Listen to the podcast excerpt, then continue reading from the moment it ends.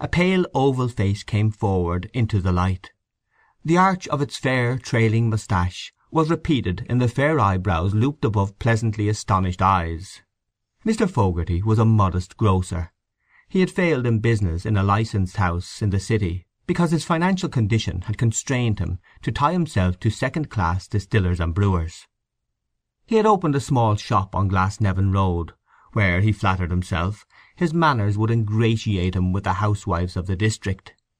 He bore himself with a certain grace, complimented little children, and spoke with a neat enunciation. He was not without culture. Mr. Fogarty brought a gift with him, a half pint of special whisky. He inquired politely for Mr. Kernan, placed his gift on the table, and sat down with the company on equal terms. Mr. Kernan appreciated the gift all the more since he was aware that there was a small account for groceries unsettled between him and Mr. Fogarty. He said, "I wouldn't doubt you, old man. Open that, Jack, will you?" Mr. Power again officiated. Glasses were rinsed, and five small measures of whisky were poured out. This new influence enlivened the conversation. Mr. Fogarty, sitting on a small area of the chair, was specially interested. "Pope Leo the Thirteenth," said Mr. Cunningham, "was one of the lights of the age. His great idea, you know, was the union of the Latin and Greek churches. That was the aim of his life." "I often heard he was one of the most intellectual men in Europe," said Mr. Power. "I mean, apart from his being Pope." "So he was," said Mr. Cunningham, "if not the most so. His motto, you know, as Pope, was Lux upon lux, light upon light." "No, no," said Mr. Fogarty eagerly. "I think you're wrong there. It was lux in tenebris, I think. Light in darkness." "Oh yes," said Mr. McCoy. Tenebrae." "Allow me," said Mr. Cunningham positively. "It was lux upon lux, and Pius the Ninth, his predecessor's motto was crux upon crux that is, cross upon cross, to show the difference between their two pontificates." The inference was allowed. Mr. Cunningham continued. "Pope Leo, you know, was a great scholar and a poet." "He had a strong face," said Mr. Kernan. "Yes," said Mr. Cunningham. "He wrote Latin poetry." "Is that so?" said Mr. Fogarty. Mr. McCoy tasted his whisky contentedly, and shook his head with a double intention, saying, "That's no joke, I can tell you." "We didn't learn that, Tom," said Mr. Power, following Mr. McCoy's example, "when we went to the penny a week school." "There was many a good man went to the penny a week school with a sodden turf under his oxter," said Mr. Kernan sententiously. "The old system was the best. Plain, honest education. None of your modern trumpery." "Quite right," said Mr. Power. "No superfluities," said Mr. Fogarty. He enunciated the word, and then drank gravely. "I remember reading," said Mr. Cunningham, "that one of Pope Leo's poems was on the invention of the photograph, in Latin, of course." "On the photograph!" exclaimed Mr. Kernan. "Yes," said Mr. Cunningham. He also drank from his glass. "Well, you know," said Mr. McCoy, "isn't the photograph wonderful when you come to think of it?" "Oh, of course," said Mr. Power. Great minds can see things." "As the poet says, great minds are very near to madness," said Mr. Fogarty. Mr. Kernan seemed to be troubled in mind. He made an effort to recall the Protestant theology on some thorny points, and in the end addressed Mr. Cunningham. "Tell me, Martin," he said, "weren't some of the popes, of course not our present man or his predecessor, but some of the old popes, not exactly, you know, up to the knocker?" There was a silence. Mr. Cunningham said, "Oh, of course there were some bad lots. But the astonishing thing is this: not one of them, not the biggest drunkard, not the most out-and-out ruffian, not one of them ever preached ex cathedra a word of false doctrine. Now isn't that an astonishing thing?" "That is," said Mr. Kernan. "Yes, because when the Pope speaks ex cathedra," Mr. Fogarty explained, "he is infallible. "Yes," said Mr. Cunningham. "Oh, I know all about the infallibility of the Pope. I remember I was younger then. Or was it that—" Mr. Fogarty interrupted. He took up the bottle and helped the others to a little more. Mr. McCoy, seeing that there was not enough to go round, pleaded that he had not finished his first measure. The others accepted under protest. The light music of whisky falling into glasses made an agreeable interlude. "What was that you were saying, Tom?" asked Mr. M'Coy. "Papal infallibility," said Mr. Cunningham. "That was the greatest scene in the whole history of the Church." "How was that, Martin?" asked Mr. Power. Mr. Cunningham held up two thick fingers. "In the sacred college, you know, of cardinals and archbishops and bishops, there were two men who held out against it while the others were all for it. The whole conclave except these two was unanimous. No, they wouldn't have it." "Ha!" said Mr. M'Coy. "And they were a German cardinal by the name of Dolling or Dowling or—" "Dowling was no German, and that's a sure five," said Mr. Power, laughing.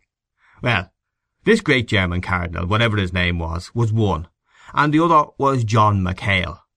"What!" cried Mr. Kernan. "Is it John of Tuam? Are you sure of that now?" asked Mr. Fogarty dubiously. I thought it was some Italian or American." "John of Tuam," repeated Mr. Cunningham, "was the man." He drank, and the other gentlemen followed his lead. Then he resumed.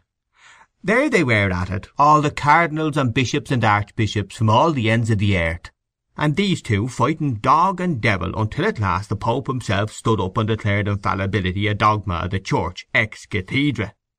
On the very moment John MacHale, who had been arguing and arguing against it, stood up and shouted out with the voice of a lion, "Credo!" "I believe," said Mr. Fogarty. "Credo!" said Mr. Cunningham. That showed the faith he had. He submitted the moment the Pope spoke. "And what about Dowling?" asked Mr. M'Coy. The German cardinal wouldn't submit. He left the church. Mr. Cunningham's words had built up the vast image of the church in the minds of his hearers. His deep, raucous voice had thrilled them as it uttered the word of belief and submission. When Mrs. Kernan came into the room, drying her hands, she came into a solemn company. She did not disturb the silence, but leaned over the rail at the foot of the bed. "I once saw John MacHale," said Mr. Kernan, "and I'll never forget it as long as I live. He turned towards his wife to be confirmed. "I often told you that." Mrs. Kernan nodded. "It was at the unveiling of Sir John Gray's statue.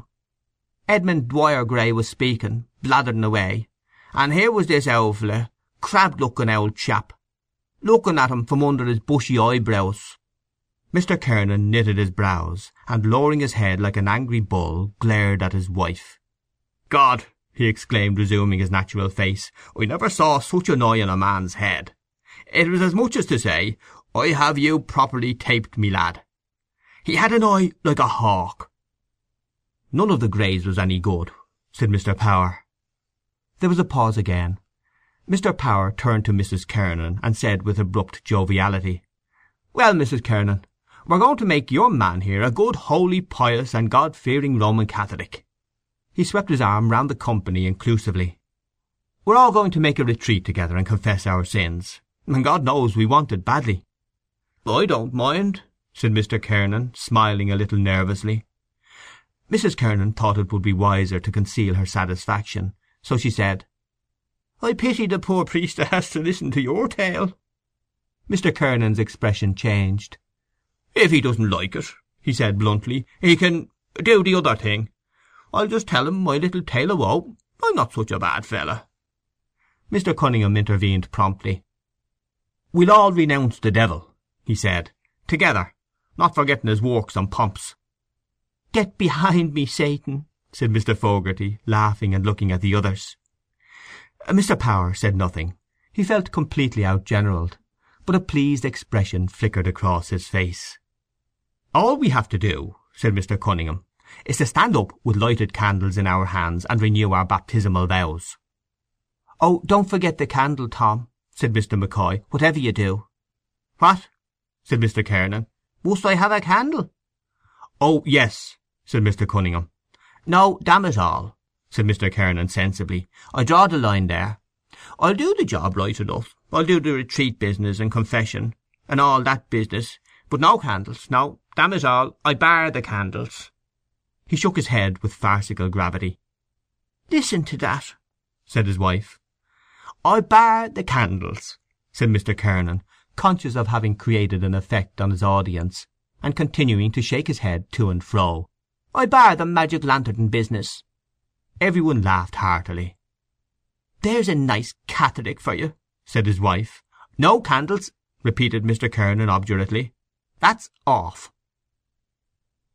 The transept of the Jesuit church in Gardiner Street was almost full, and still at every moment gentlemen entered from the side door, and, directed by the lay brother, walked on tiptoe along the aisles until they found seating accommodation.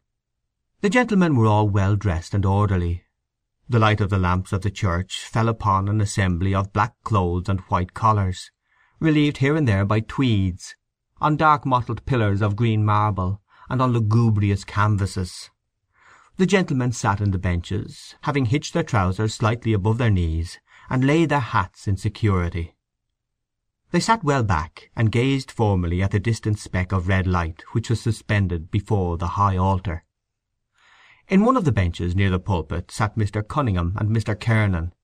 In a bench behind sat Mr. McCoy alone, and in the bench behind him sat Mr. Power and Mr. Fogarty. Mr. McCoy had tried unsuccessfully to find a place in the bench with the others, and when the party had settled down in the form of a quincunx he had tried unsuccessfully to make comic remarks. As these had not been well received he had desisted. Even he was sensible of the decorous atmosphere, and even he began to respond to the religious stimulus. In a whisper Mr. Cunningham drew Mr. Kernan's attention to Mr. Harford, the money-lender, who sat some distance off, and to Mr. Fanning, the registration agent and mayor-maker of the city, who was sitting immediately under the pulpit beside one of the newly elected councillors of the ward. To the right sat old Michael Grimes, the owner of three pawnbroker shops, and Dan Hogan's nephew, who was up for the job in the town clerk's office.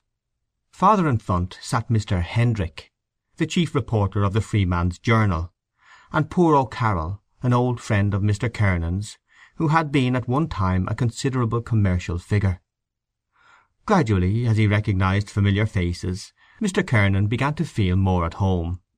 His hat, which had been rehabilitated by his wife, rested upon his knees. Once or twice he pulled down his cuffs with one hand, while he held the brim of his hat lightly but firmly with the other hand.